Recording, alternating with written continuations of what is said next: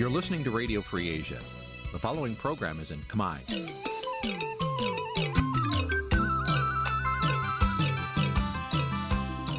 នេះជាកម្មវិធីផ្សាយ Vuthu Azizi Serai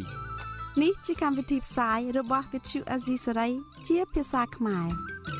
Vuthu Azizi Serai សូមស្វាគមន៍លោកអ្នកនាងទាំងអស់ពីរដ្ឋធានី Washington នៃសហរដ្ឋអាមេរិក បាទផ្សាយផ្ទាល់ពីរដ្ឋធានី Washington សហរដ្ឋអាមេរិកខ្ញុំបាទមេរិតសូមជម្រាបសួរលោកអ្នកនាងកញ្ញាប្រិមមអ្នកស្ដាប់ Visual C សេរីទាំងអស់ជាទីមេត្រីយើងខ្ញុំសូមជូនកម្មវិធីផ្សាយសម្រាប់យប់ថ្ងៃប្រហ័ស9រោចខែចេសឆ្នាំខាលចត្វាស័កពុទ្ធសករាជ2566ដែលត្រូវនៅថ្ងៃទី23ខែមិថុនាគ្រិស្តសករាជ2022បាទជាដំបូងនេះសូមអញ្ជើញលោកអ្នកនាងកញ្ញាស្ដាប់ព័ត៌មានប្រចាំថ្ងៃដែលមានមេត្តាដូចតទៅ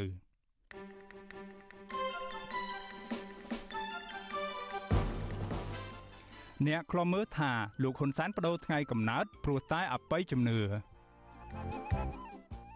មេធាវីការពារក្តីកញ្ញាសេងធីរីជួបកូនក្តីនៅពន្ធនាគារខេត្តព្រះវិហារជាលើកដំបូងក្រោយការចាប់ខ្លួនជាងមួយសប្តាហ៍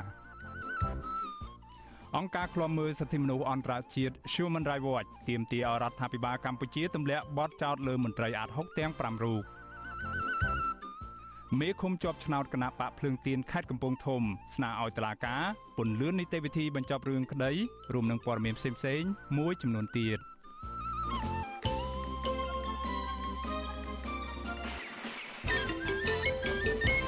បាទជាបន្តទៅទីនេះខ្ញុំបាទមេរិតសូមជូនព័ត៌មានទាំងនេះពិស្ដា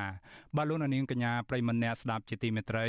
ពេលនេះ រដ្ឋាភិបាលលោកនាយរដ្ឋមន្ត្រីហ៊ុនសែនកំពុងមមាញឹកផ្ញើលិខិតទៅស្ថាប័នជាតិនានារួមទាំងស្ថាប័នព្រះមហាក្សត្រផងដើម្បីបដូរថ្ងៃខែកំណើតរបស់លោកហ៊ុនសែនពីថ្ងៃទី4ខែមេសាឆ្នាំ1951មកថ្ងៃទី5ខែសំទោសខែសីហាឆ្នាំ1952វិញបានអ្នកខ្លមមើលបញ្ហាសង្គមរិះគន់លោកហ៊ុនសែនថា បានធ្វើឲ្យស្ថាប័នរបស់ជាតិខាតបង់លុយនិងពេលវេលាព្រោះតែរឿងរ៉ាវតូចតាចរបស់លោកហ៊ុនសែនបាទពីរដ្ឋធានី Washington អ្នកស្រីសុជីវីរាយការណ៍ព័ត៌មាននេះការបដូរថ្ងៃខែឆ្នាំកំណើតរបស់លោកហ៊ុនសែននៅពេលនេះតម្រូវឲ្យរដ្ឋាភិបាលត្រូវរំខានដល់ប្រធានរដ្ឋសភា ប្រធានព្រឹទ្ធសភា រហូតព្រះមហាក្សត្រនិងប្រមុខស្ថាប័នជាតិមួយចំនួនទៀតចាប់ពីពេលនេះតទៅលោកហ៊ុនសែនមានថ្ងៃកំណើតពិត គឺថ្ងៃទី5ខែសីហាឆ្នាំ1952ទន្ទឹមគ្នានេះសំបីតែការបដូរថ្ងៃខែឆ្នាំកំណើតនេះមន្ត្រីរបស់លោកហ៊ុនសែនមួយចំនួនក៏ឆ្លៀតផ្ញើសារអបអរសាទរប្រងព្រាតផងដែរអ្នកវិភាគនយោបាយលោកកឹមសុខរិះគន់ថាលោកហ៊ុនសែនតែងយករឿងផ្ទាល់ខ្លួនតូចតាចរបស់លោកធ្វើឲ្យគេរវល់ពេញនគរប៉ុន្តែលោកហ៊ុនសែនមិនសូវអើពើដោះស្រាយបញ្ហាជាតិឬបញ្ហាពលរដ្ឋនោះទេលោកបន្តថា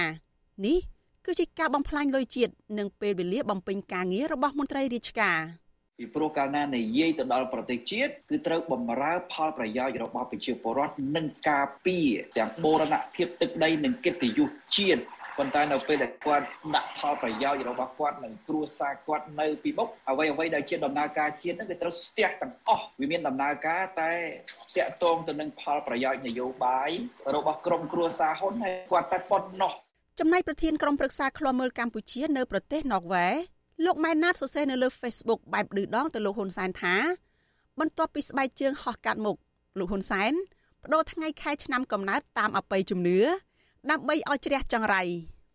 លោកម៉ែនណាតយល់ថា ការបដូរថ្ងៃខែឆ្នាំកំណើតរបស់លោកហ៊ុនសែនពេលនេះគឺលោកហ៊ុនសែនជាមនុស្សដែលជឿលើអបិយជំនឿជ្រុលហួសហេតុពេកលោកបន្តថាមេដឹកនាំដែលងប់ងល់នឹងអបិយជំនឿបែបនេះ បង្ហាញថាមេដឹកនាំនោះគ្មានសមត្ថភាពគាត់ជឿលើអារឿងអាបៃជំនឿរឿងរឿងកាត់សយកាត់សៅម៉ងអញ្ចឹងវាតាមតាមធម្មតាវាគ្មានអបៃជំនឿណាមួយមកគ្រប់ដណ្ដប់ទៅលើការដឹកនាំរបស់ខ្លួនទេវាអត់មានទេបើយើងជាមេដឹកនាំល្អទោះបីយើងស្លាប់ជាខ្មោចរាប់សិបឆ្នាំរាប់សិបសតវត្សក៏គេនៅយកមកគោរពបូជាដែរប្រតិកម្មរបស់អ្នកខ្លាំមើលដូចនេះក្រោយប្រធានតុលាការក្រុងភ្នំពេញលោកតាំងសុនឡាយបានចេញដីកាចុះថ្ងៃទី20ខែមិថុនា សម្រាប់កែតម្រូវខែឆ្នាំកំណើតទៅតាមការចង់បានរបស់លោកហ៊ុនសែនលោកចៅក្រមតាំងសុនឡាយបង្គាប់ទៅមន្ត្រីអត្រានុកូលដ្ឋាន និងអាជ្ញាធរមានសមត្ថកិច្ចត្រូវកែតម្រូវអត្រានុកូលដ្ឋានឲ្យស្របតាមការស្នើសុំរបស់លោកហ៊ុនសែនជុំវិញការរិះគន់របស់អ្នកខ្លាំមើលសង្គមលើបញ្ហានេះអ្នកនាំពាក្យគណៈបកប្រជាជនកម្ពុជាលោកសុកអេសាននិយាយថាការបដូរថ្ងៃខែឆ្នាំកំណើតរបស់លោកហ៊ុនសែនជាសិទ្ធិរបស់លោកហ៊ុនសែន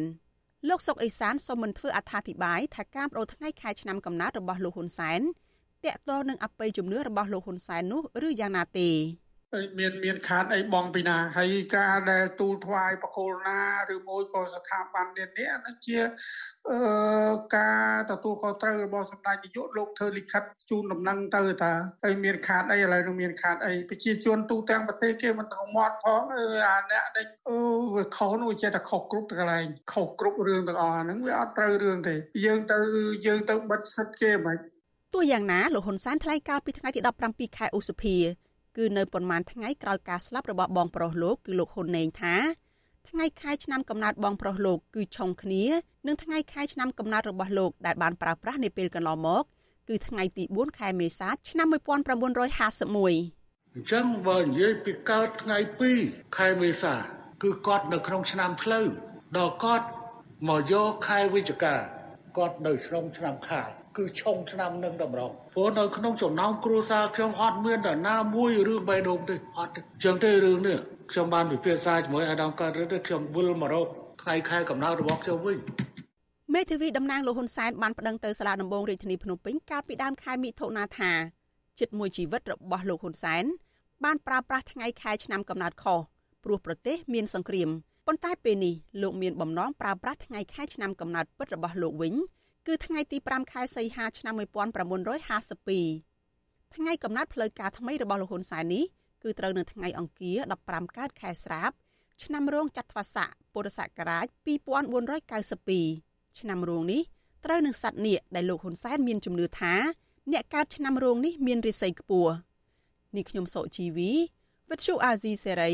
ពីរដ្ឋធានី Washington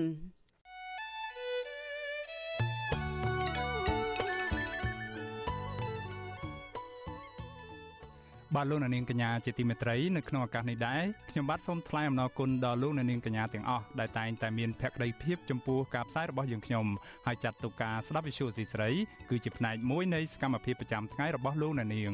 បាទការគ្រប់គ្រងរបស់លោកនាងកញ្ញានេះហើយដែលធ្វើឲ្យយើងខ្ញុំមានទឹកចិត្តកាន់តែខ្លាំងថែមទៀត ក្នុងការស្វែងរកនិងផ្តល់ព័ត៌មានពិតជូនលោកនាងកញ្ញា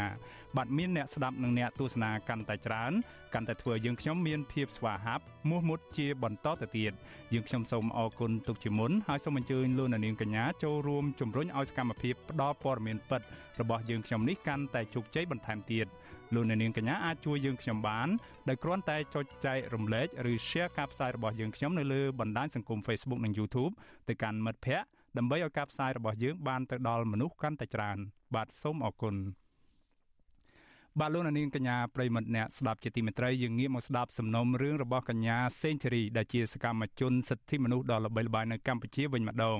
បាទមេធាវីការពារក្តីកញ្ញាសេងធីរីបានចូលជួបសួរសុខទុក្ខកូនក្តីរបស់លោកនៅក្នុងពន្ធនាគារនៅឯខេត្តព្រះវិហារជាលើកដំបូងក្រោយពីសមត្ថកិច្ចបានចាប់ខ្លួនកញ្ញា មេធាវីបញ្ជាក់ថាកញ្ញាសេងធីរីមានសុខភាពល្អជាធម្មតានិងស្នើសុំឲ្យលោកប្តឹងទាស់ទៅសាលាធរឲ្យបានឆាប់ប្រឆាំងទៅនឹងសារក្រមរបស់សាលាដំបងរាជធានីភ្នំពេញដែលបានផ្ដន្ទាទោសកញ្ញាដាក់ពន្ធនាគារយ៉ាងអយុត្តិធម៌អស់រយៈពេល6ឆ្នាំ បាទពីរដ្ឋធានី Washington លោកទីនសាការីយ៉ារាយការណ៍ព័ត៌មាននេះមេធាវីការពារក្តីឲ្យកញ្ញាសេងធីរីថ្លែងថាកញ្ញាបានបញ្ចេញប្រតិកម្មទៅនឹងការសម្រេចរបស់តុលាការរាជធានីភ្នំពេញ ដែលបានដាក់ទោសកញ្ញាឲ្យជាប់ពន្ធនាគារ6ឆ្នាំថាជាការធ្វើទុកបុកម្នេញអ្នកមានមតិផ្ទុយដែលហ៊ានរិះគន់រដ្ឋាភិបាលឯកបកមេធាវីការពារក្តីឲ្យកញ្ញាសេងធីរីគឺលោកជុងជងីប្រាប់វិទ្យុអាស៊ីសេរីនៅរសៀលថ្ងៃទី23មិថុនាថាកញ្ញាសេងធីរីអន្តះសាចង់ជួបមេធាវីដើម្បីសួរនាំអំពីក្តីក្តាំរបស់ខ្លួនតាំងពីថ្ងៃដែលសមត្ថកិច្ចចាប់ខ្លួនកញ្ញាដំបងលោកមេធាវីជុងជងីបញ្ជាក់ថាក្រោយពីបានជួបកូនក្តីហើយ លោកនឹងដាក់ពាក្យប្តឹងទាស់ទៅសាលាឧទ្ធររាជធានីភ្នំពេញនៅសប្តាហ៍ក្រោយនេះគាត់បដិសេធថាអ្វីដែលគាត់ធ្វើនេះគឺមិនខុសទេគឺគាត់ទៀមទីឲ្យមានការគោរពច្បាប់និង សិទ្ធិមនុស្សនិងប្រជាធិបតេយ្យអ្វីដែលគាត់ធ្វើហ្នឹងគាត់អាងថាគាត់ធ្វើហ្នឹងដើម្បីប្រយោជន៍សង្គមដើម្បីប្រយោជន៍សិទ្ធិមនុស្សនិងប្រជាធិបតេយ្យគឺគាត់អត់មានទៅរួមគំនិតក្បត់អីគឺអត់ទេគាត់អាងថាអញ្ចឹងគាត់ថាជាការបំបិតមាត់មិនឲ្យគាត់ធ្វើអ្វីៗដើម្បីការពារដូចថាដើម្បីស្ដារសិទ្ធិមនុស្សនិងប្រជាធិបតេយ្យចំណែកឯនៅក្នុងពុទ្ធនេគារវិញលោកមេធាវីអះអាងថាកញ្ញាសេនធរីប្រាប់លោកថាសមត្ថកិច្ចពុទ្ធនេគារយកចិត្តទុកដាក់យ៉ាងល្អ មើលថែនិងពិនិត្យសុខភាពរបស់កញ្ញាជារៀងរាល់ថ្ងៃជាមួយគ្នានេះលោកថាកញ្ញាសេនធូរីអគុណដល់ប្រជាពលរដ្ឋនិងមនុស្សទាំងឡាយដែលគាំទ្រពីសកម្មភាពនិងខ្វល់ខ្វាយពីសុខទុក្ខរបស់កញ្ញាវិទ្យុអាស៊ីសេរីមិនអាចតតងអ្នកនាំពាក្យសាលាដំបងរាជធានីភ្នំពេញលោកអេរិនដើម្បីសំសួរអំពីបញ្ហានេះបានទេនៅថ្ងៃទី23មិថុនាជំវិញនឹងរឿងនេះប្រធានសមាគមការពារសិទ្ធិមនុស្សអាត់ហុកលោកនីសុខាមានប្រសាសន៍ថាតឡាការគួរទៅដោះលែងកញ្ញាសេនធូរីឲ្យមានសេរីភាពឡើងវិញ ពីព្រោះលោកថាសកម្មភាពរបស់កញ្ញាគឺជាការសម្ដែងមតិដែលជាសិទ្ធិសេរីភាពជាមូលដ្ឋានរបស់ពលរដ្ឋស្របតាមរដ្ឋធម្មនុញ្ញ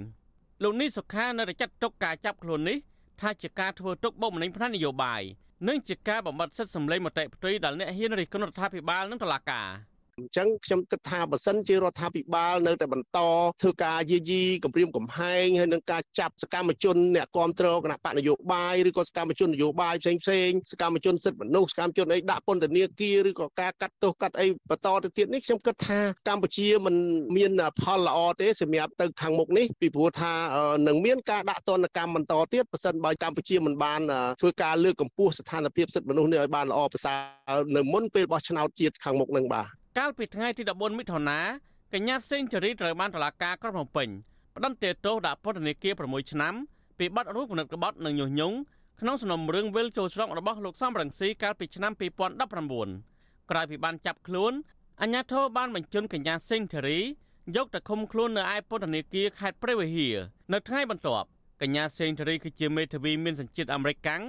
ជាអ្នកជំនាញច្បាប់និងវិជាសាស្ត្រនយោបាយអន្តរជាតិជាសកម្មជនទាមទារសិទ្ធិសេរីភាព និងជាអ្នកហ៊ានរិះគន់រដ្ឋាភិបាលលហ៊ុនសែនឥតសំចៃមាត់កញ្ញាបានចូលរួមតស៊ូមតិនិងតវ៉ាដោយអហិង្សាជាច្រើនដូចជាសកម្មភាពចូលរួមតវ៉ាជាមួយក្រុមស្ត្រីថ្ងៃសុកដើម្បីទាមទារឲ្យដោះលែងអ្នកទោសនយោបាយលើកទឹកចិត្តដល់បុគ្គលិក Nagavel ឲ្យធ្វើកតកម្មដោយសន្តិវិធីទាមទារសំស្របពីថកែក្រុមហ៊ុន Nagavel និងជាអ្នកលើកស្ទួយសិទ្ធិស្ត្រីជាដើមភ្លាមភ្លាមក្រោយពីចាប់ខ្លួនកញ្ញាសេងធារីអង្គការសមាគមជាតិនិងអន្តរជាតិផ្នែកសិទ្ធិមនុស្ស និងសហរដ្ឋអាមេរិកចាត់ទុកការចាប់និងឃុំខ្លួនកញ្ញាសេងធារីថាជារឿងនយោបាយនិងអយុត្តិធម៌ហើយទាមទារឲ្យតុលាការទម្លាក់បទចោទប្រកាន់និងដោះលែងកញ្ញាសេងធារីឲ្យមានសេរីភាពឡើងវិញដោយឥតលក្ខខណ្ឌកាលពីថ្ងៃទី20មិថុនាការិយាល័យឧត្តមស្នងការសហប្រជាជាតិទទួលបន្ទុកផ្នែកសិទ្ធិមនុស្សប្រចាំនៅកម្ពុជា បានក្រើនរំលឹកដល់រដ្ឋាភិបាលលោកហ៊ុនសែនឲ្យគិតគូរស្ដារលទ្ធិប្រជាធិបតេយ្យនិងគោរពសិទ្ធិមនុស្សឲ្យប្រសើរឡើងវិញ ដើម្បីឲ្យកម្ពុជាមានការអភិវឌ្ឍមួយប្រកបដោយចីរភាពតម្លាភាព និងទទួលបានសន្តិភាពពិតប្រាកដឯកសារព័ត៌មានរបស់អង្គការសហប្រជាជាតិប្រចាំនៅកម្ពុជាស្ដីពីការចូលរួមរបស់សង្គមស៊ីវិលចេញផ្សាយកាលពីថ្ងៃទី20ខែមិថុនាបង្ហាញថាលំហសេរីភាពប្រជាពលរដ្ឋអង្គការក្រៅរដ្ឋាភិបាលឬការចងក្រងសមាគមក្នុងការលើកស្ទួយសិទ្ធិមនុស្សគឺជាកន្លឹះនៃលទ្ធិប្រជាធិបតេយ្យដើម្បីសម្រេចគោលដៅក្នុងការអភិវឌ្ឍប្រកបដោយចីរភាព។ ខ្ញុំទីនសាការីយ៉ាអសិរ័យប្រធានីវ៉ាស៊ីនតោន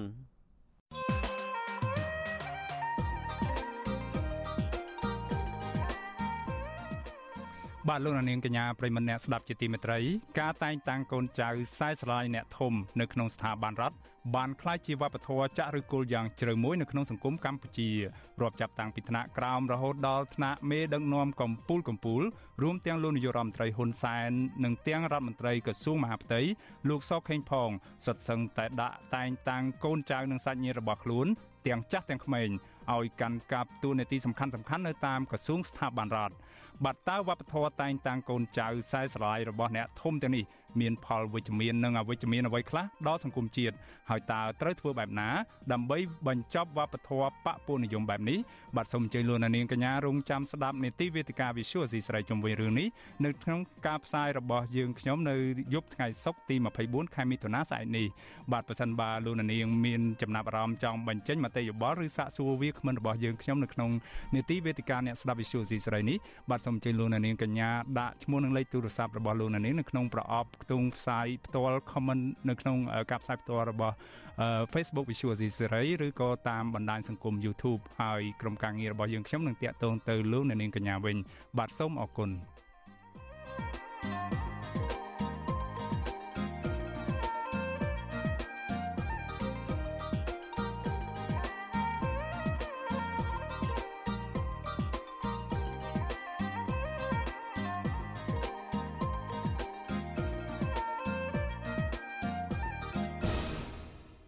បាទលោកនាងកញ្ញាជាទីមេត្រីឥឡូវនេះយើងងាកមកស្ដាប់ព័ត៌មានតាក់ទងទៅនឹងសំណុំរឿងរបស់សកម្មជនការពារសិទ្ធិមនុស្សអាត6ចំនួន4នាក់និងអតីតសកម្មជនការពារសិទ្ធិមនុស្សអាត6ម្នាក់វិញដែលត្រូវបានតុលាការកម្ពុជានឹងចោទប្រកាន់ពីបទសោកប៉ាន់សាក់សីហើយពួកគាត់បានស្នើសុំឲ្យតុលាការនឹងទម្លាក់បទចោទមកលើពួកគាត់បាននៅពេលនេះអង្គការឃ្លាំមើលសិទ្ធិមនុស្សអន្តរជាតិហៅថា Human Rights Watch ទាមទារអរដ្ឋាភិបាលលោកនាយរដ្ឋមន្ត្រីហ៊ុនសែនបញ្ឈប់ការធ្វើទុកបុកម្នេញមកលើសង្គមស៊ីវិលនិងទម្លាក់បទចោទប្រកាន់ទាំងគ្មានមូលដ្ឋានទៅលើមន្ត្រីការពារសិទ្ធិមនុស្សអាត6ចំនួន4រូបនិងសមាជិកគណៈកម្មាធិការជាតិរៀបចំការបោះឆ្នោតម្នាក់ដើម្បីឲ្យពួកគាត់មានសេរីភាពពេញលេញឡើងវិញបម្រើការងារនៅក្នុងសង្គមបានមន្ត្រីរដ្ឋាភិបាលឆ្លើយតបថាករណីនេះស្ថិតនៅក្នុងដៃតុលាការហើយអង្គការអន្តរជាតិគ្មានសិទ្ធិលោកលោកដៃបានឡើយបាទពីរដ្ឋធានី Washington លោកយ៉ងច័ន្ទដារារាយការណ៍ព័ត៌មាននេះអង្គការឃ្លាំមើលសិទ្ធិមនុស្សអន្តរជាតិ Human Rights Watch អំពាវនាវដល់អាជ្ញាធរកម្ពុជា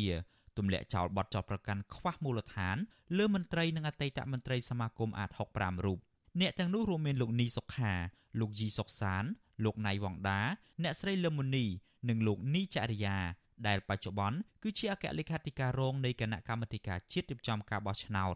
នាយករងទទួលបន្ទុកកិច្ចការតំបន់អាស៊ីនៃអង្គការឃ្លាំមើលសិទ្ធិមនុស្សអន្តរជាតិ Human Rights Watch លោក Phil Robertson មានប្រសាសន៍នៅក្នុងសេចក្តីថ្លែងការណ៍កាលពីថ្ងៃទី22មិថុនាថា តាំងពីដើមដំបូងមកអាញាធរកម្ពុជា បានស្វាស្វែងរកមធ្យោបាយដាក់ទណ្ឌកម្មដោយអយុត្តិធម៌ទៅលើមន្ត្រី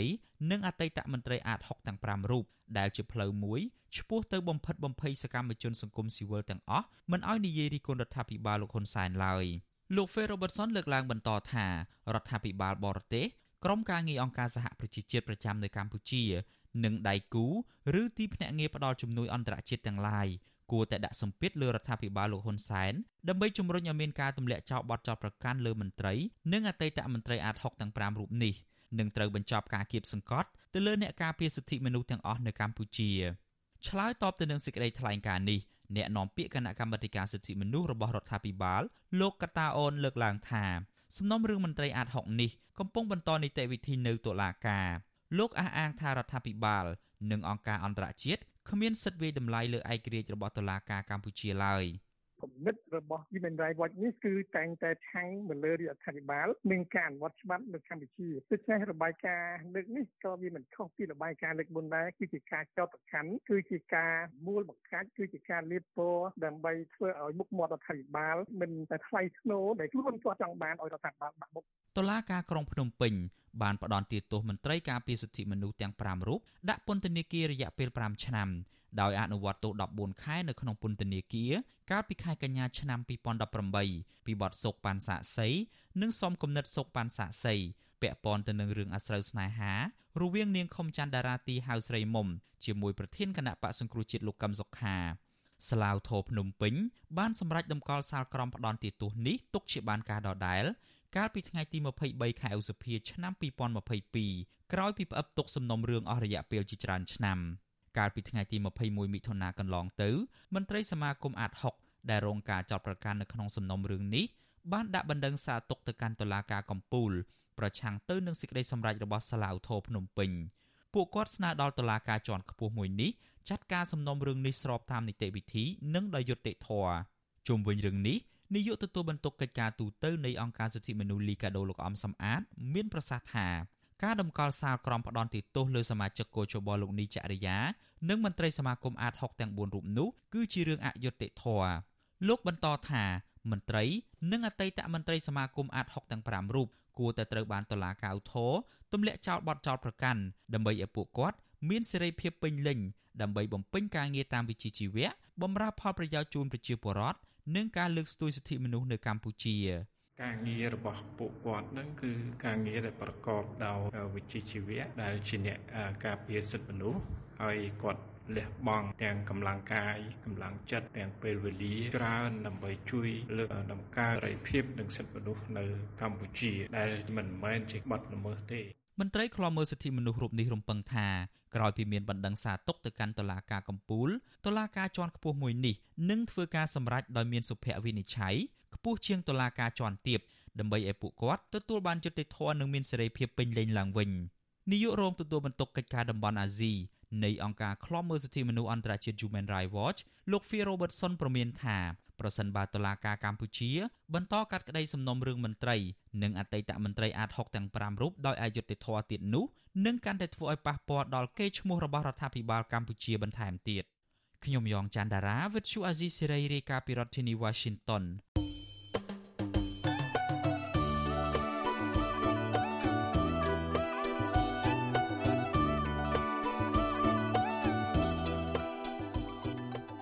បាទដំណើរគ្នានឹងស្ដាប់ការផ្សាយរបស់ Visual C ស្រីតាមបណ្ដាញសង្គម Facebook និង YouTube លោកនាងកញ្ញាក៏អាចស្ដាប់កម្មវិធីផ្សាយរបស់ Visual C ស្រីតាមរយៈរលកធាតុអាកាសខ្លីឬ Shortwave តាមកម្រិតនិងកម្ពស់ដូចតទៅនេះបាទពេលព្រឹកចាប់ពីម៉ោង5កន្លះដល់ម៉ោង6កន្លះតាមរយៈរលកធាតុអាកាសខ្លី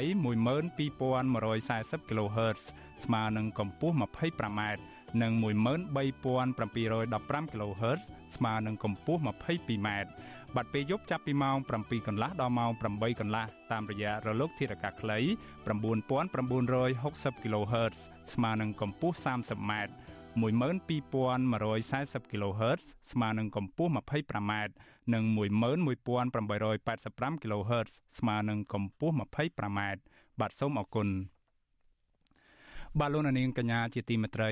ព័ត៌មានតាក់ទងទៅនឹងទំនាក់ទំនងការទូតជាមួយកម្ពុជានិងសហរដ្ឋអាមេរិកដែលមានភាពប្រកម្មប្រកោសនិងនៅតែបន្តអូបន្លាយជាយូរនោះបាទនៅពេលនេះគឺប្រធានាធិបតីសហរដ្ឋអាមេរិកលោក Joe Biden បានសម្រេចជ្រើសរើសលោក Robert William Forden ជាបេក្ខជនឯកអគ្គរដ្ឋទូតវិសាមញ្ញនឹងពេញសមត្ថភាពនៅកម្ពុជាជំនួសលោក Patrick Murphy ដែលនឹងត្រូវចាប់អាណត្តិនាពេលខាងមុខនេះ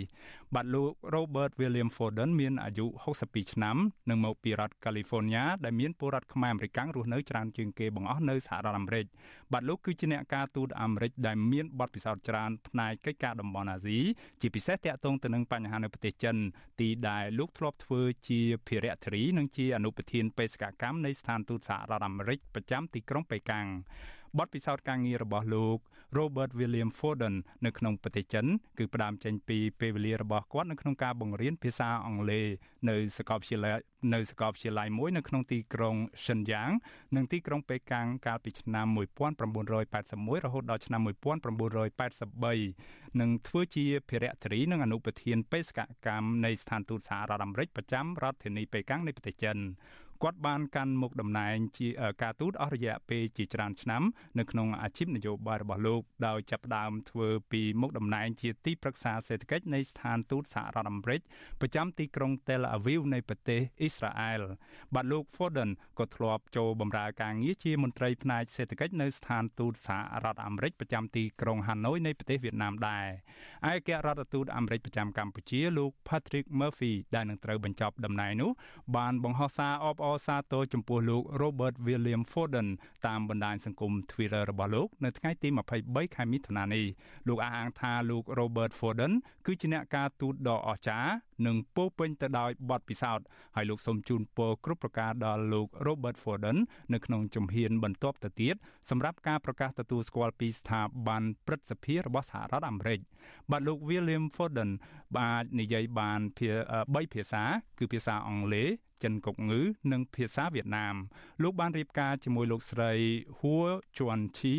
ដែលជាជនជាតិអាមេរិកកាំងដើមកំណត់តៃវ៉ាន់និងមានកូន3នាក់ជាចំណងដៃនៅក្នុងក្នុងនោះមានស្រី2នាក់និងកូនប្រុសម្នាក់ សេចក្តីថ្លែងការណ៍ស្តីពីការជ្រើសរើសបេក្ខជនឯកអគ្គរដ្ឋទូតថ្មីរបស់សហរដ្ឋអាមេរិកប្រចាំកម្ពុជានេះត្រូវបានប្រកាសដោយការិយាល័យប្រធានាធិបតីសហរដ្ឋអាមេរិកឬសេតាវិមាន កាលពីថ្ងៃទី22ខែមិថុនាឆ្នាំនេះបាត់សេតាវិមានសហរដ្ឋអាមេរិកបានបញ្ជូនសំណើនេះទៅកាន់ព្រឹទ្ធសភាអាមេរិករួចរាល់ហើយដើម្បីអនុវត្តទៅតាមនីតិវិធីបន្តទៀតបាទលោកនាងកញ្ញាជាទីមេត្រី ព័ត៌មានតាក់ទងទៅនឹងបញ្ហាកោតកម្មវិវាទការងាររបស់បុគ្គលិកកាស៊ីណូ Naga World វិញម្ដងដែលបន្តអូបន្លាយអស់រយៈពេលជាងកន្លះឆ្នាំមកហើយនេះបាទអស់រយៈពេលជាច្រើនឆ្នាំមកនេះយើងឃើញថាកម្ពុជាហាក់ដូចជាល្បីល្បាញខ្លាំងណាស់ ខាងរំលោភសិទ្ធិការងារជាពិសេសបញ្ហាក្រុមកោតក្រកាស៊ីណូ Naga World និងបញ្ហារំលោភសិទ្ធិមនុស្សជាច្រើនរាប់មិនអស់ទៀតពីសំណាក់អ្នកមានលុយមានអំណាចដែលកើតមានជាហូរហែបើទោះបីជាបញ្ហានេះអង្គការជាតិនិងអន្តរជាតិចេញរបាយការណ៍រកឃើញថាមានការរំលោភបំពានច្បាប់ស្តីពីការងារពីសំណាក់ថៅកែមកលើកម្មករនយោជិតក៏ដោយចោះ ក៏រដ្ឋាភិបាលលោកនាយរដ្ឋមន្ត្រីហ៊ុនសែនហាក់គ្មានដំណោះស្រាយនៅក្នុងរឿងនេះមិនទាន់បានឡើយបាទលោកនាងនឹងបានស្ដាប់ព័ត៌មានលម្អិតជុំវិញរឿងនេះនាពេលបន្តិចទៀតនេះ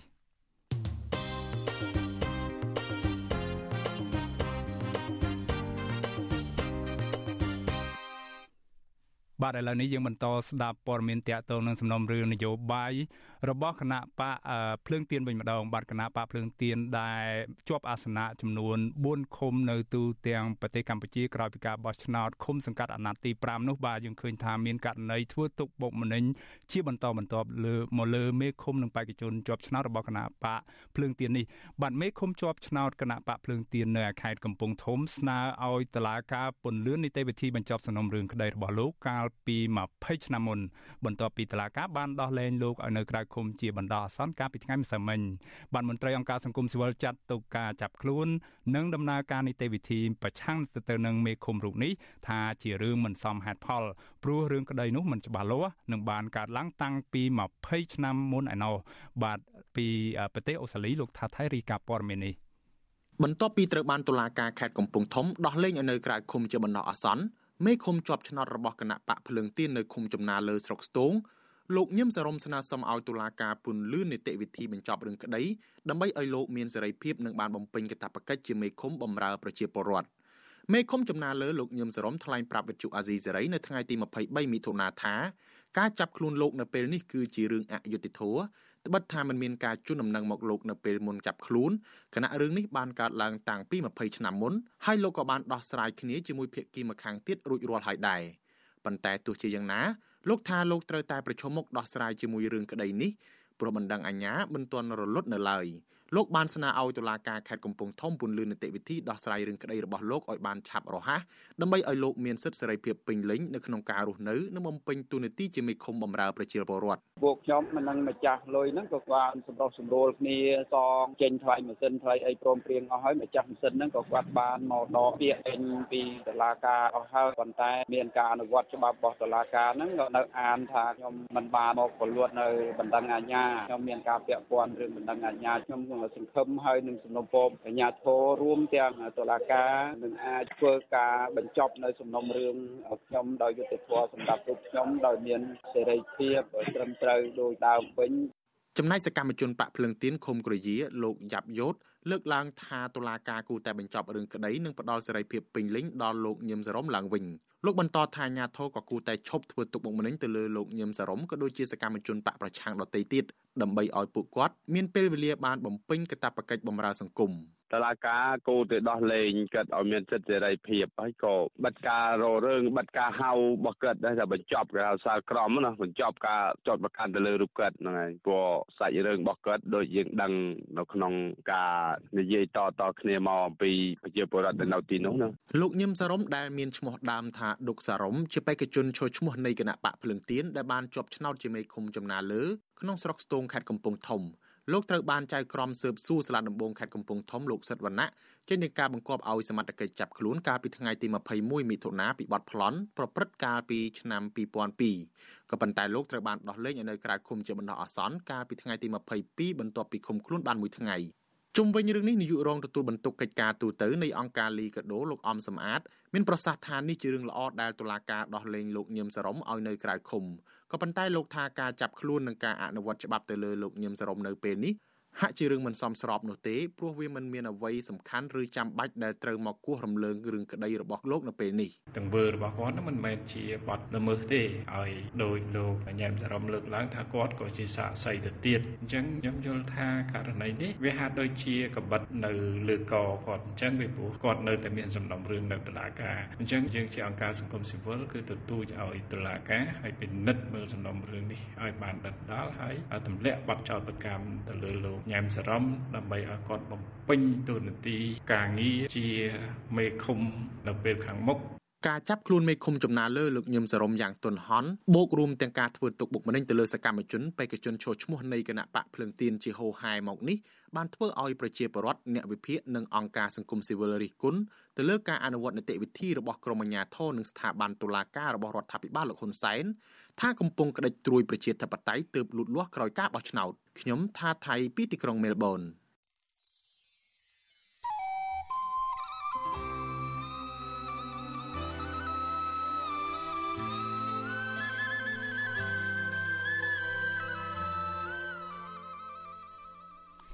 បាទលោកនាងកញ្ញាប្រិមម្នាក់ស្ដាប់ជាទីមេត្រីលោកនាងកញ្ញាប្រហែលជាបានជ្រាបហើយថាក្រៅពី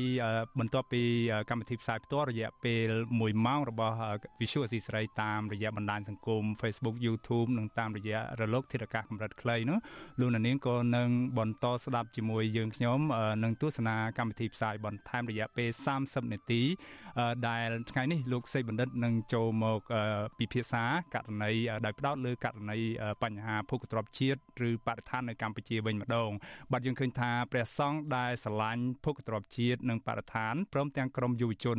គ្រងធ្វើធម្មយាត្រានៅតំបន់អរ៉ែងនៅថ្ងៃសៅរ៍ទី25ខែមិថុនានេះដើម្បីការពារបរិស្ថាន ជាពិសេសធនធានព្រៃឈើនៅតំបន់អរ៉ែងនៃខេត្តកោះកុងបាទក្រុមអ្នករៀបចំដំណើរធម្មយាត្រានេះនឹងមានការអះអាងថានឹងមានការចូលរួមពីបុរដ្ឋប្រមាណជិត និងព្រះសង្ឃប្រមាណជិត30អង្គនឹងអ្នកដែលកម្មវិធីនេះមានរយៈពេល3ថ្ងៃបាទតាដំណើរធម្មយាត្រានោះធ្វើឡើងក្នុងគោលបំណងអ្វីខ្លះហើយថាតើតំបន់អារ៉ែងមានការប្រែប្រួលយ៉ាងណាខ្លះក្រោយពីការផ្ទុះឡើងនៃជំងឺឆ្លងជាសកល COVID-19 អស់រយៈពេលជាង2ឆ្នាំកន្លងមកនេះបាទលោកនាងកញ្ញាសូមគុំតនអាទៅណា បន្តតាមដានស្ដាប់និងទស្សនាកម្មវិធីផ្សាយរបស់ Visual C សេរីនៅតាមបណ្ដាញសង្គម Facebook និង YouTube បន្ថែមក្រោយម៉ោង8កន្លះរហូតដល់ម៉ោង9យប់នេះកុំបីខានឲ្យលោកសេបណ្ឌិតនឹងមកកាន់កម្មវិធីនេះបាទសូមអរគុណ បាទលោកនាងកញ្ញាប្រិមនៈស្ដាប់ជាទីមេត្រីព័ត៌មានតកតងទៅនឹងបញ្ហាឆោបបោកតាមប្រព័ន្ធអ៊ីនធឺណិតដែលកំពុងកើនឡើងគួរឲ្យព្រួយបារម្ភនៅក្នុងសង្គមកម្ពុជាសប្តាហ៍នេះវិញម្ដង ដែលបញ្ហានេះប្រព្រឹត្តដោយក្រមព័ត៌មានវិទ្យាឬក៏ចៅព័ត៌មានវិទ្យាឬក្រមជនជាតិបរទេសមួយចំនួនដូចជាជនជាតិចិននិងថៃវិញម្ដងបាទមន្ត្រីសង្គមស៊ីវិលព្រួយបារម្ភចំពោះបញ្ហាក្រុមឆោបបោកតាមអ៊ីនធឺណិត ដែលយកប្រទេសកម្ពុជាធ្វើជាទីតាំងប្រព្រឹត្តបទល្មើសបែបអនាធិបតេយ្យពួកគេថាការនេះនឹងជះឥទ្ធិពលអាក្រក់ដល់កេរ្តិ៍ឈ្មោះរបស់កម្ពុជានៅលើឆាកអន្តរជាតិ បាត់ក្តីព្រួយបារម្ភទាំងនេះរបស់មន្ត្រីសង្គមស៊ីវិលនេះគឺកើតឡើងបន្ទាប់ពីសមាជិកប្រឆាំងបទល្មើសបច្ចេកវិទ្យាព័ត៌មានកម្ពុជានិងថៃបានសហការគ្នាចុះបង្ក្រាបពីទីតាំងនៅក្នុងខេត្តព្រះសីព្រះសីហនុនឹងចាប់បានជនសង្ស័យចំនួន21នាក់ជាជនជាតិថៃដែលធ្វើការឲ្យក្រុមឆោបោកបាទលោកសេបណ្ឌិតរាយការណ៍ព័ត៌មាននេះ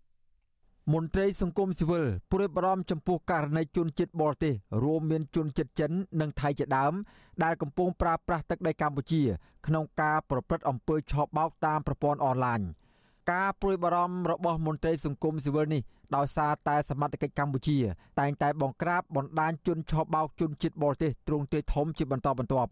ជាក់ស្ដែងកាលពីថ្ងៃទី21មិថុនាកន្លងទៅនេះសមត្ថកិច្ចប្រឆាំងបទល្មើសបច្ចេកវិទ្យានៅកម្ពុជាសហការជាមួយនឹងសមត្ថកិច្ចថៃចុះបង្ក្រាបចាប់ជនជាតិថៃប្រុសស្រីចំនួន21នាក់ដែលធ្វើការក្នុងបណ្ដាញឆោបបោកតាមបច្ចេកវិទ្យាអ៊ីនធឺណិតអ្នកនាំពាក្យសមាគមការពារសិទ្ធិមនុស្សអាត6លោកសង្សានករណាប្រាប់បទសុអសីស្រីនៅថ្ងៃទី23មិថុនាថាករណីជនបរទេសឆោបបោកតាមបណ្ដាញប្រព័ន្ធអនឡាញនេះ មិនមែនមានតែជនជាតិថៃនោះទេ មានទាំងជនជាតិចិន និងជនជាតិម៉ាឡេស៊ីជាដើម នៅក្នុងទឹកដីកម្ពុជា លោកសង្សានករណាយល់ឃើញថាប្រព័ន្ធច្បាប់របស់កម្ពុជា មិនទាន់មានភាពរឹងមាំក្នុងការគ្រប់គ្រងទៅលើបទល្មើសទាំងអស់នោះបានល្អដល់ឡើយបើទោះបីជាមានការចាប់ខ្លួនជាបន្តបន្ទាប់ក៏ដោយ លោកសង្សានករណាបន្ថែមថាលោកមានការព្រួយបារម្ភចំពោះករណីបែបនេះជាច្រើនទៀតដែលមិនទាន់បង្ក្រាបបាន ហើយករណីនេះនឹងជះឥទ្ធិពលមួយចំនួនដល់កម្ពុជា បាទជាធម្មតាប្រទេសណាក៏វាអាចមានករណីដ៏នឹងកើតឡើងដែរក៏ប៉ុន្តែវាគ្រាន់តែមានតិចឬច្រើនគ្រាន់តែកម្ពុជាយើងយើងមានកើតឡើងច្រើន ជាបន្តបន្ទាប់បែបហ្នឹងវាជាហានិភ័យជាការព្រួយបារម្ភដែរអំពីការពិនិត្យមើលអំពីខាងសហគមន៍អន្តរជាតិដែលគេឃ្លាំមើលអំពីបញ្ហារបស់កម្ពុជានឹងវាអាចធ្វើឲ្យជះឥទ្ធិពលទៅដល់កម្ពុជាខ្លួនឯងផ្ទាល់ផងទៅដល់ពលរដ្ឋក្នុងតំបន់ឬក៏ជាលក្ខណៈអន្តរជាតិនឹងផងដែរ វិទ្យុអាស៊ីសេរីនៅពុំទាន់អាចតាក់ទងសុំការបំភ្លឺបន្ថែមពីអ្នកនាំពាក្យអគ្គស្នងការដ្ឋាននគរបាលជាតិលោកឆៃកឹមខឿនបានទេនៅថ្ងៃទី23ខែមិថុនាដោយទូរស័ព្ទចូលតែពុំមានអ្នកទទួលប្រធានក្រុមការងារប៉ូលីសប្រឆាំងបទល្មើសបច្ចេកវិទ្យារបស់ប្រទេសថៃលោកដាមរងស័កខិតធីប្រផាត្រូវបានស្រង់សម្ដីយកមកចុះផ្សាយដោយកាសែតបាងកកប៉ុស្តិ៍របស់ថៃថា អង្គភាពប៉ូលីសប្រឆាំងបទល្មើសបច្ចេកវិទ្យារបស់ប្រទេសថៃ បានសហការជាមួយនឹងសមាភិកីកម្ពុជា បានបង្ក្រាបនិងចាប់ខ្លួនជនល្មើស21នាក់ជាជនជាតិថៃកាលពីថ្ងៃអង្គារទី21មិថុនានៅក្នុងទីតាំងចំនួន2នៅខេត្តព្រះសីហនុគឺនៅសន្តាគារជីងឆេង និងកាស៊ីណូមួយនៅផ្លូវពលវៃដែលជាកន្លែងពួកគេធ្វើសកម្មភាពឆបោកតាមអ៊ីនធឺណិតប៉ូលីសថៃរូបនេះបញ្ជាក់ថា ការស៊ើបអង្កេតនេះបានរកឃើញថាក្រុមឆបោកទាំងនេះបានបោកបញ្ឆោតជនរងគ្រោះក្នុងការវិនិយោគលើការជួញដូររូបិយប័ណ្ណក្លែងបន្លំដោយព្យាយាមតាក់ទងជនរងគ្រោះតាមកម្មវិធីណាត់ជួបដ៏ពេញនិយមតាមទូរស័ព្ទដៃឈ្មោះ Tinder និងនៅលើកម្មវិធី Line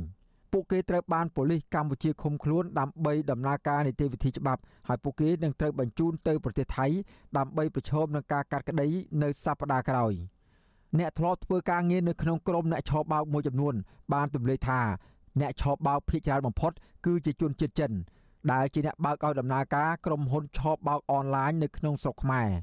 ក្រុមហ៊ុនឆោបបោកតាមអនឡាញនេះគឺមានច្រើនកន្លែង ជាពិសេសតំបន់ដែលមានជនជាតិចិនរស់នៅច្រើន ដូចជាភ្នំពេញខេត្តកណ្ដាលខេត្តកោះកុងក្រុងបាវិតក្រុងប៉ោយប៉ែត និងក្រុងព្រះសីហនុជាដើម ក្រៅពីជនជាតិខ្មែរក៏មានជនជាតិថៃហ្វីលីពីនឥណ្ឌូនេស៊ីនិងជនជាតិឥណ្ឌាដែលកំពុងធ្វើការងារឲ្យក្រុមហ៊ុនរបស់ចិនទាំងនោះក្រុមហ៊ុននីមួយៗមានជនជាតិចិនគ្រប់គ្រងចាប់ពី30នាក់ទៅ100នាក់ក្រុមហ៊ុនឆោបោកនេះតែងតែផ្លាស់ប្ដូរពីកន្លែងមួយទៅកន្លែងមួយជាញឹកញាប់ហើយពួកគេតែងតែជួលផ្ទះល្វែងឬអាគារខុនដូ និងសន្តាគារធំធំឬផ្ទះវីឡាដាច់ដោយឡែកដោយឡែកតែម្ដង ដើម្បីងាយស្រួលធ្វើសកម្មភាពនាយកដ្ឋានព័ត៌មានវិទ្យានៃក្រសួងមហាផ្ទៃបានប្រកាសជារឿយៗឲ្យប្រជាពលរដ្ឋប្រុងប្រយ័ត្នចំពោះសកម្មភាពឆបបោករបស់ក្រមអ ுக ្រិតជនបច្ចេកវិទ្យាព្រោះសកម្មភាពឆបបោកទាំងនេះនៅតែបន្តកើតមានច្រើនករណីនៅក្នុងប្រទេសកម្ពុជានាយកដ្ឋានព័ត៌មានវិទ្យាអះអាងថាមានល្បិចកលឆបបោកជាច្រើនប្រភេទផ្សេងទៀត ដូចជាការបង្កើតបណ្ដាញទំនាក់ទំនងសង្គមคล้ายៗជាច្រើនដូចជា Facebook Telegram WhatsApp និង Twitter ជាដើមដោយដាក់រូបជាបរិសនិងនារីស្អាតស្អាតបន្ទាប់មកជនឆបោកត្រូវភ្ជាប់បណ្ដាញទំនាក់ទំនងទាំងនោះទៅកាន់មនុស្សដែលពួកគេមានកម្រងឆបោកដោយប្រើវិធីលួងលោមនិងបញ្ចុះបញ្ចូលឲ្យជនរងគ្រោះដាក់ប្រាក់វិនិយោគដើម្បីទទួលបានអត្រាការប្រាក់ទ្វេដង និងការប្រើប្រាស់មនោសញ្ចេតនាស្នេហាคล้ายៗជាមួយជនរងគ្រោះជាដើមករណីផ្សេងទៀតជនខិលខូចតែងតែអូសទាញជនរងគ្រោះដោយប្រើប្រាស់វិធីសាស្ត្រផ្ដល់នៅប្រយោជន៍ហិរញ្ញវត្ថុសម្ភារៈកិត្តិយសឬអំណោយដែលមានតម្លៃដោយភ្ជាប់នឹងលក្ខខណ្ឌងាយងាយនាយកដ្ឋានព័ត៌មានវិទ្យាបញ្ជាក់ថាមានវិធីការពារខ្លួនពីការឆបោកនេះមានដូចជាត្រូវពិចារណា និងរកការប្រឹក្សាយោបល់មុនពេលផ្ដល់ប្រាក់ឬវត្ថុមានតម្លៃក្នុងទម្រង់វិនិយោគផ្សេងៗដែលអ្នកពុំបានដឹងនិងគុំបណ្ដោយខ្លួនឲ្យធ្លាក់នៅក្នុងល្បិចសម្លុតឬគម្រាមកំហែងពីជនខិលខូចនិងត្រូវរាយការណ៍ជូនសមត្ថកិច្ចជំនាញឬអាជ្ញាធរមូលដ្ឋានជាបន្ទាន់អង្គការសង្គមស៊ីវិលចាត់ទុកបទល្មើសតាមប្រព័ន្ធបច្ចេកវិទ្យាទាំងនេះថាជាក្តីបារម្ភមួយដ៏ធំហើយរដ្ឋាភិបាលត្រូវតែបង្ក្រាបករណីនេះឲ្យមានប្រសិទ្ធភាព ដើម្បីស្ដារមុខមាត់កម្ពុជាលើឆាកអន្តរជាតិនិងដើម្បីកុំឲ្យមានបញ្ហាអសន្តិសុខនៅកម្ពុជាព្រមទាំងការភ័យខ្លាចដល់អ្នកវិនិយោគខ្ញុំបាទសេកបណ្ឌិតវិទ្យុអាស៊ីសេរីពីរដ្ឋធានីវ៉ាស៊ីនតោន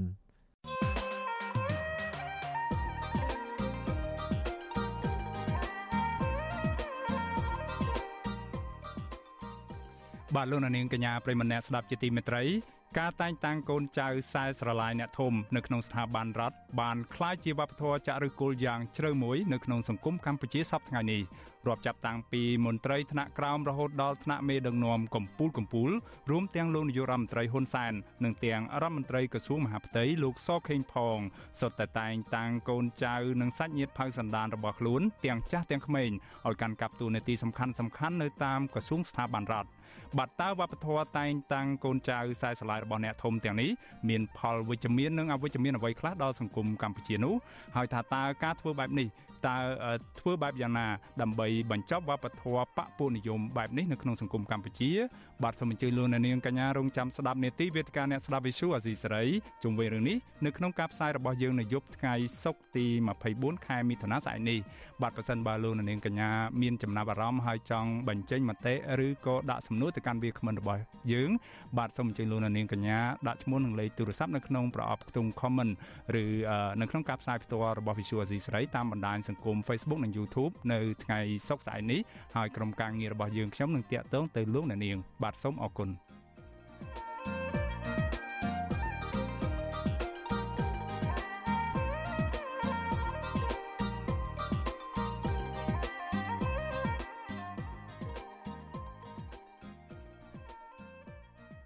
បាទលោកនាងកញ្ញាជាទីមេត្រីយើងងាកមកស្ដាប់ព័ត៌មានពីខេត្តស្វាយរៀងឯនោះវិញបាទមន្ត្រីសង្គមស៊ីវិលនិងក្រមយុវជនរិះគន់ស្នងការនគរបាលខេត្តស្វាយរៀងលោកកឹងខុនថាអនុញ្ញាតឲ្យប្រជាការពីភូមិម្នាក់ពាក់ឯកសន្តានជាប៉ូលីសកាន់កំភ្លើងអាការសម្ញែងបុរដ្ឋនៅតាមមូលដ្ឋានធ្វើឲ្យអ្នកភូមិខ្លះផិតភ័យនិងបារម្ភពីសុវត្ថិភាព មន្ត្រីអង្គការសង្គមស៊ីវិលចាត់ទុកទង្វើនេះថាគឺជារឿងខុសច្បាប់ដែលទាមទារឲ្យអាជ្ញាធរជំនាញបកស្រាយឲ្យបានច្បាស់លាស់បាទពីរដ្ឋធានី Washington អ្នកស្រីម៉ៅសុធានីរាយការណ៍ព័ត៌មាននេះមន្ត្រីសង្គមស៊ីវិលនិងក្រមយុវជន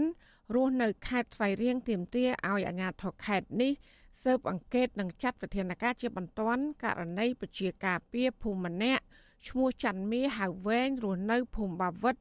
តែងតែពាក់ឯកសន្តានជានគរបាលកាន់កំភ្លើងអាការនៅក្រុងបាវិតធ្វើឲ្យប្រជាប្រដ្ឋមានមន្ទិលនិងបារម្ភពីសន្តិសុខសวัสดิភាពសង្គមយុវជនរស់នៅខេត្តស្វាយរៀងលោកអែមសុកសវណ្ណប្រាប់វិទ្យុស៊ីស្រីនៅថ្ងៃទី23ខែមិថុនាថាប្រជាការពារភូមិរូបនេះតែងតែពាក់ឯកសន្តានជានគរបាលនិងកាន់កំភ្លើងអាការសម្ញែងបរដ្ឋនៅមូលដ្ឋាន ធ្វើឲ្យបរដ្ឋខ្លះភ័យខ្លាចនិងបារម្ភពីសន្តិសុខសวัสดิភាពផ្ទាល់ខ្លួន។ លោកបន្ថែមថាលោកច័ន្ទមាជាពជាកាពីភូមិបានប្រើប្រាស់កំភ្លើងវែងជាច្រើនខែមកហើយក៏ប៉ុន្តែបរដ្ឋមិនហ៊ានរិះគន់ជាសាធារណៈនោះឡើយលោកថាប្រជាកាពីភូមិរូបនេះមានចរិតអួតក្អេងក្អាងនិងតែងតែផឹកស្រាញឹកញាប់ធ្វើឲ្យបរដ្ឋព្រួយបារម្ភខ្លាចបង្កអសន្តិសុខសង្គមដោយប្រការណាមួយ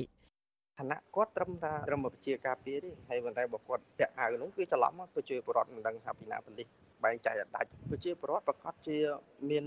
ការភិតភ័យពីព្រោះមានកំភ្លើងសម្ញែងហើយមិនមែនជា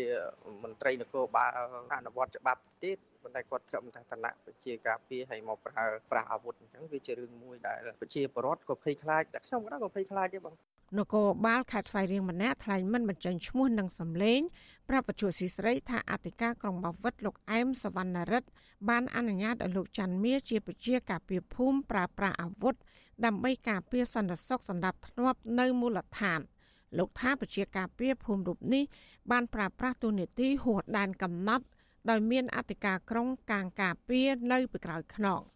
លើពីនេះទៀតលោកច័ន្ទមាគឺគ្មានវិជាជីវៈប្រើប្រាស់អាវុធនៅក្រមសីលធម៌ជាសមត្ថកិច្ចនោះទេ ដោយសារតែមិនទាន់បានឆ្លងកាត់វគ្គបណ្ដុះបណ្ដាលពីនគរបាលថ្នាក់ជាតិនោះឡើយ ហើយដែលជាហេតុធ្វើពួកលោកបារម្ភខ្លាចក្រែងប្រជាការពារភូមិរូបនេះបន្លំខ្លួនជានគរបាលប្រើប្រាស់អាវុធចម្រិតទាលុយពីប្រជាប្រដ្ឋដឹកទំនិញឆ្លងដែននិងបរដ្ឋលួចដូរតាមដងផ្លូវជាដើមលោកថាប៉ះសិនបើអាជ្ញាធរជាតិមិនចាត់វិធានការទេនោះទង្វើនេះអាចនឹងប៉ះពាល់មុខមាត់នគរបាលជាតិ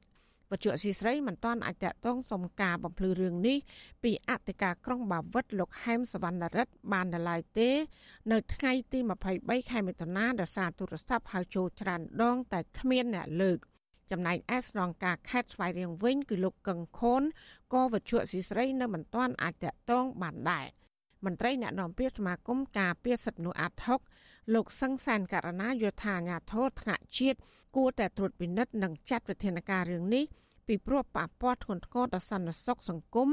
និងអាចធ្វើឲ្យបរដ្ឋយល់ច្រឡំលោកថាប្រជាការពីភូមិគ្មានសិទ្ធិប្រើប្រាស់អាវុធនោះទេ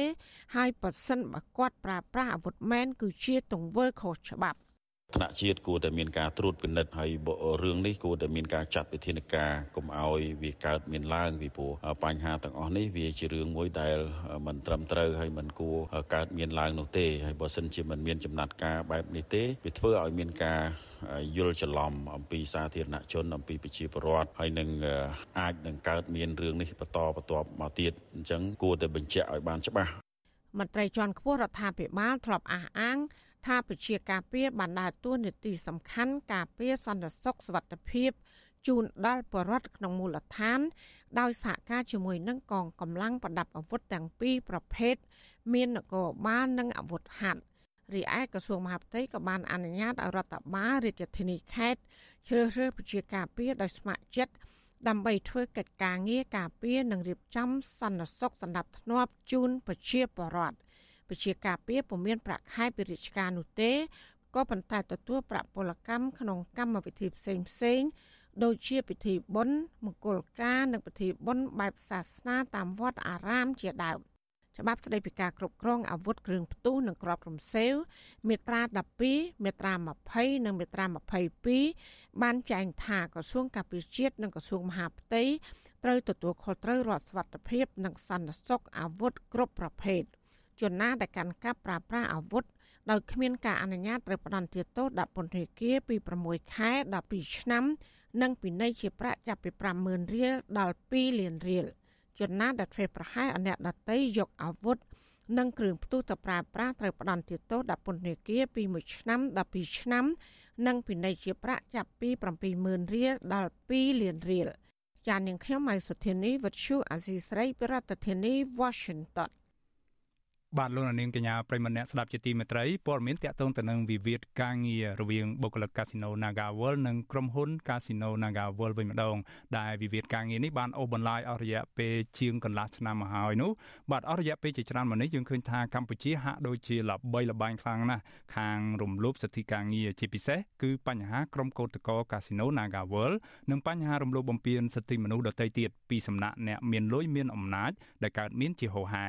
ទោះបីជាបញ្ហានេះអង្គការជាតិនិងអន្តរជាតិបានចេញរបាយការណ៍រកឃើញជាបន្តបន្ទាប់ថាមានការរំលោភបំពានច្បាប់ស្តីពីការងារពីសំណាក់ថៅកែមកលើកម្មករនយោជិតក៏ដោយចុះក៏រដ្ឋាភិបាលលោកនាយករដ្ឋមន្ត្រីហ៊ុនសែនហាក់រកដំណោះស្រាយនៅក្នុងរឿងនេះមិនទាន់បានឡើយបាទសូមអញ្ជើញលោកនាងកញ្ញាស្ដាប់សេចក្តីរាយការណ៍មួយទៀតរបស់អ្នកស្រីសុជីវីជំវិញព័ត៌មាននេះការរកដំណោះស្រាយបញ្ហារំលោភសិទ្ធិការងារនៃក្រុមហ៊ុនបនលបៃ Nagavel មិនបានរបស់រដ្ឋាភិបាលលោកហ៊ុនសែននេះ ធ្វើសាធារណជនមួយចំនួនបង្ហាញការមិនពេញចិត្តហើយថារដ្ឋាភិបាលជាអ្នកនៅពីក្រោយនៃការបណ្ដេតបណ្ដោយឲ្យអាជ្ញាធរទាំងនោះធ្វើទុកបុកម្នេញក្រុមកោតក្ររហូតដល់អ្នកខ្លះរលូតកូន និងអ្នកខ្លះទៀតរងការប្រើអំពើហិង្សាធ្ងន់ធ្ងរពីសំណាក់កងកម្លាំងសន្តិសុខទាំងអយុធធរហេតុអ្វីបានជារដ្ឋាភិបាលលោកហ៊ុនសែនរកដំណោះស្រាយវិវាទការងារឲ្យបុគ្គលិកក្រុមហ៊ុន Nagavel នេះមិនបាន អ្វីត្បិតតែកន្លងទៅនេះមេដឹកនាំជាន់ខ្ពស់គណៈបកកណ្ដាលអំណាចលោកសខេងបានចេញមុខជំរុញឲ្យភាគីពាក់ព័ន្ធដោះស្រាយបញ្ចប់វិវាទការងារនៅក្រុមហ៊ុន Casino Nagavel ក្រោយពីចំនួននេះបានឈានទៅដល់មានការចាប់ខ្លួនតំណាងសហជីព11នាក់ដាក់ឃុំពន្ធនាគារក្រោមបទចោទញុះញង់បន្ទាប់ពីពួកគេចេញមុខតវ៉ាអហិង្សាទាមទារលក្ខខណ្ឌការងារក៏ដោយក៏មកដល់ពេលនេះមានរយៈពេល1ឆ្នាំទៅហើយនៅតែមិនមានដំណោះស្រាយនោះទេ ការថ្លែងរបស់រដ្ឋមន្ត្រីក្រសួងមហាផ្ទៃលោកសខេនេះធ្វើឡើងនៅក្នុងពិធីប្រគល់រថយន្តជូនវរៈសេនាតូចនគរបាលការពារព្រំដែនប្រចាំទិសភូមិភាគទី1ភូមិភាគទី2និងភូមិភាគទី3កាលពីថ្ងៃទី25ខែមករាឆ្នាំ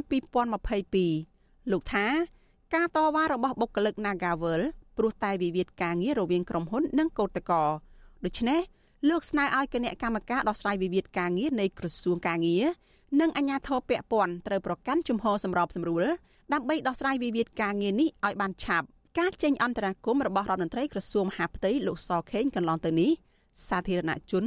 រួមទាំងអ្នកធ្វើការផ្នែកសិទ្ធិមនុស្សនិងអ្នកការពារសិទ្ធិកម្មករមើលឃើញថាมันអាចមានប្រសិទ្ធភាពឈានដល់ការបញ្ចប់វិវាទការងាររបស់កោតក្រ Nagavel បានទេដរាបណាមិនមានអន្តរាគមជាផ្លូវការពីសំណាក់លោកនាយរដ្ឋមន្ត្រីហ៊ុនសែនទេនោះ ចាប់តាំងពីថ្ងៃទី31ខែធ្នូឆ្នាំ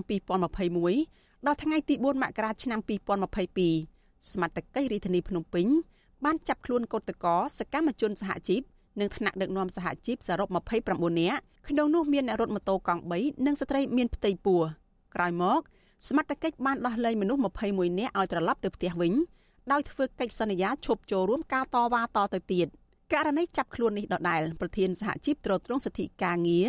បុគ្គលិកកម្មករនៃក្រុមហ៊ុន Nagavel កញ្ញាឈឹមស៊ីធនិងសមាជិកសហជីព7នាក់ផ្សេងទៀតត្រូវតុលាការក្រុងភ្នំពេញឃុំខ្លួននៅពន្ធនាគារព្រៃសរដោយចោទប្រកាន់ពីបទញុះញង់បង្កឲ្យមានភាពវឹកវរធ្ងន់ធ្ងរដល់សន្តិសុខសង្គម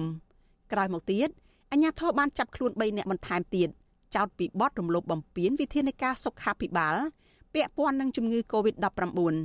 តែយ៉ាងណាអ្នកទាំងនោះត្រូវបានដោះលែងឲ្យនៅក្រៅឃុំបណ្ដោះអាសន្ន កាលពីយប់ថ្ងៃទី14ខែមិនិនា ឆ្នាំ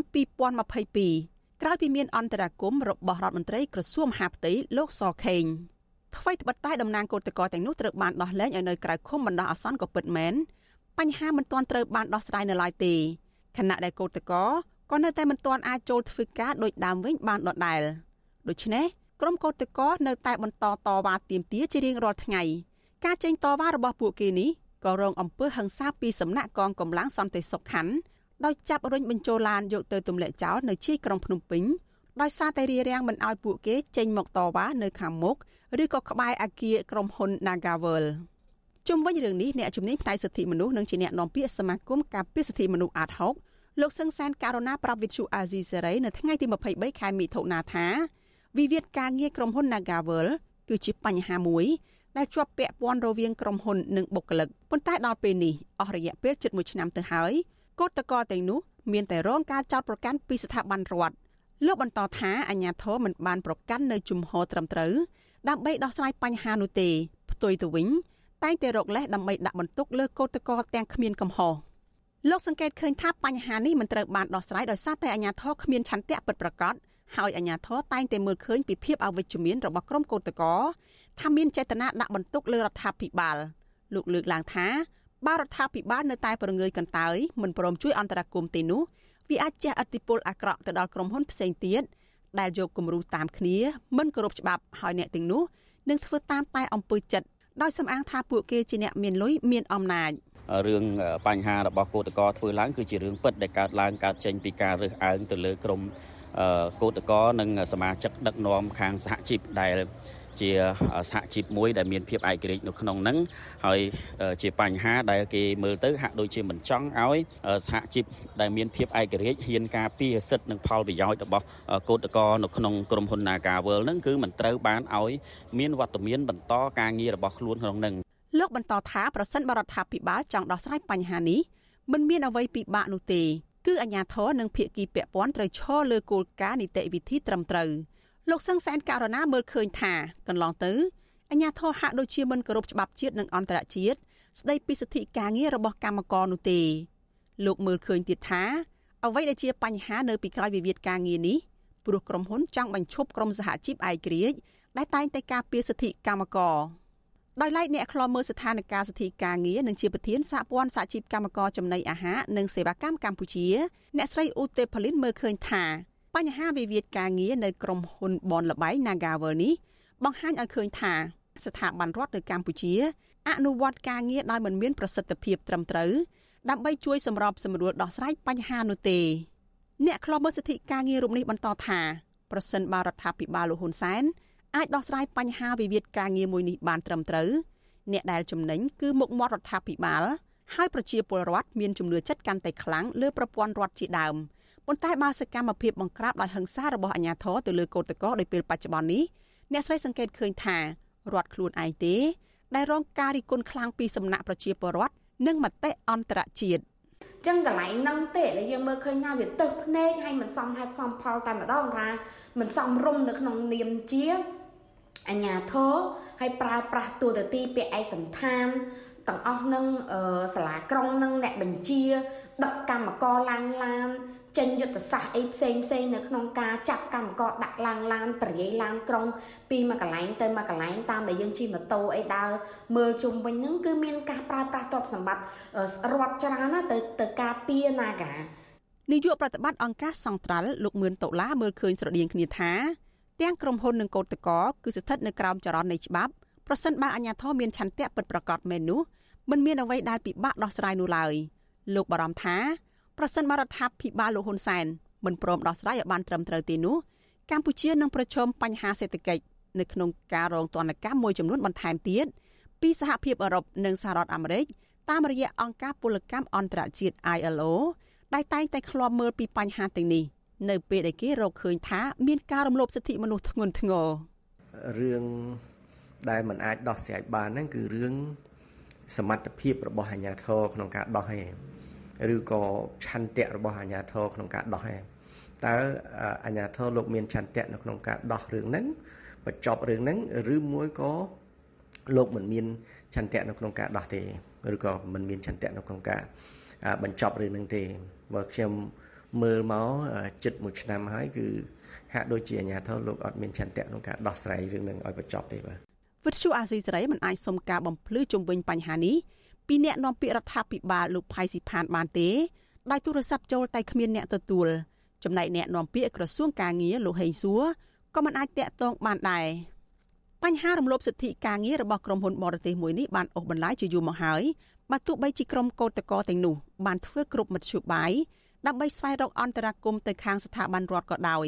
ប៉ុន្តែសម្លេងទាំងនោះមិនមានការឆ្លើយតបពីលោកហ៊ុនសែនទេមិនខុសអ្វីកាលពីពេលថ្មីថ្មីនេះទេ កោតក្រ Nagavel ជាង100នាក់កាលពីព្រឹកថ្ងៃទី20ខែមិថុនាក៏បានប្រមូលផ្ដុំគ្នាដាក់ញត្តិទៅខុទ្ទកាល័យលោកហ៊ុនសែននិងរដ្ឋសភាដើម្បីស្នើឲ្យជួយអន្តរាគមន៍រកដំណោះស្រាយវិវាទការងារជាមួយនឹងក្រុមហ៊ុន Nagavel ប៉ុន្តែនៅមិនទាន់មានការឆ្លើយតបណាមួយនៅឡើយទេ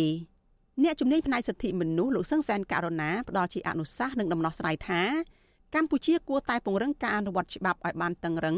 ចំពោះក្រុមហ៊ុនបរទេសទាំងឡាយដែលមកវិនិយោគនៅក្នុងស្រុក គឺត្រូវមានដំណាភាពក្នុងការគោរពច្បាប់ការងារហើយក្រសួងពាក់ព័ន្ធត្រូវតាមដាន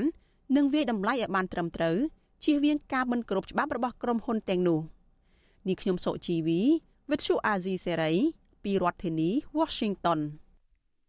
បាទលោកនាងកញ្ញាប្រិមម្នាក់ស្ដាប់ជាទីមេត្រីលោកនាងកញ្ញាកំពុងស្ដាប់កម្មវិធីផ្សាយផ្ទាល់របស់ Visual C ស្រីផ្សាយចេញពីរដ្ឋធានី Washington សហរដ្ឋអាមេរិក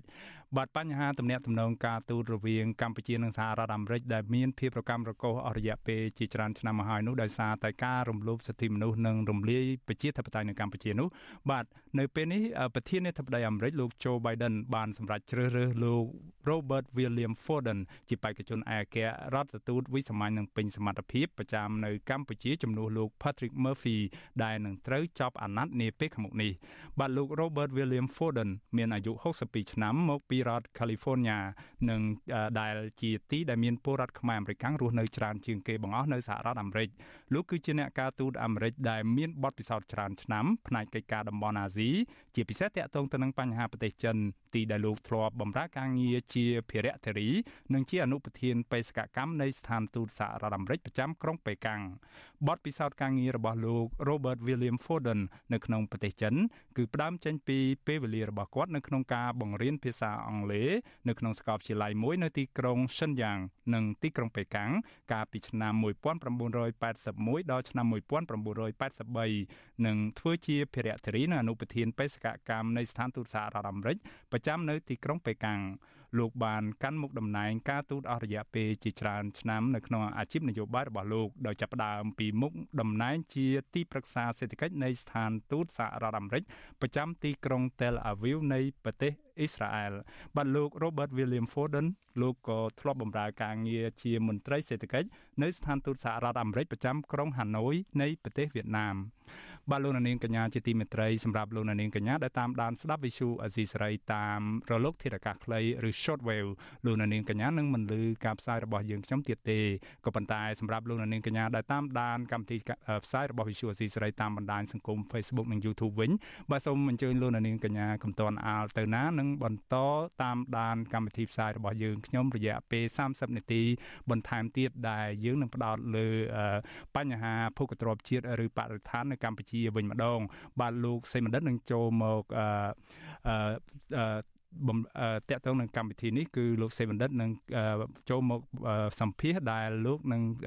តកតងនឹងដំណើររៀបចំធម្មយាត្រា បាទព្រះសង្ឃដែលឆ្លាញ់បរិស្ថាននឹងក្រមយុវជន បាទគ្រងធ្វើធម្មយាត្រានៅតំបន់អរ៉ៃនៅថ្ងៃសៅរ៍ទី25ខែមិថុនាដើម្បីការពារបរិស្ថាន ជាពិសេសគឺព្រៃឈើនៅតំបន់អរ៉ៃនៅខេត្តកោះកុងដែលអស់រយៈពេលជាច្រើនឆ្នាំមកហើយយើងធ្លាប់ឮព័ត៌មានតកតងទៅនឹងការសាងសង់ទំនប់វារីអគ្គិសនីនៅតំបន់នោះបាទហើយអ្នករៀបចំដំណើរធម្មយាត្រានេះនឹងមានការអះអាងថានឹងមានការចូលរួមប្រមាណជិត30អង្គនឹងអ្នកមានរយៈពេល3ថ្ងៃបាទថាតើធម្មយាត្រានោះធ្វើឡើងក្នុងគោលបំណងអ្វីខ្លះហើយតើតំបន់អរ៉ៃមានការប្រែប្រួលយ៉ាងណាខ្លះហើយក្រោយពីមានការផ្ទុះឡើងនៃជំងឺរាតត្បាតសកល COVID-19 អស់រយៈពេលជាង2ឆ្នាំមកនេះបាទសូមអញ្ជើញលោកនាងកញ្ញាកំតនអាទៅណាហើយបន្តតាមដានកម្មវិធីផ្សាយរបស់ Visual C សេរីយើងតាមបណ្ដាញសង្គម Facebook និង YouTube រយៈពេល30នាទីជាបន្ត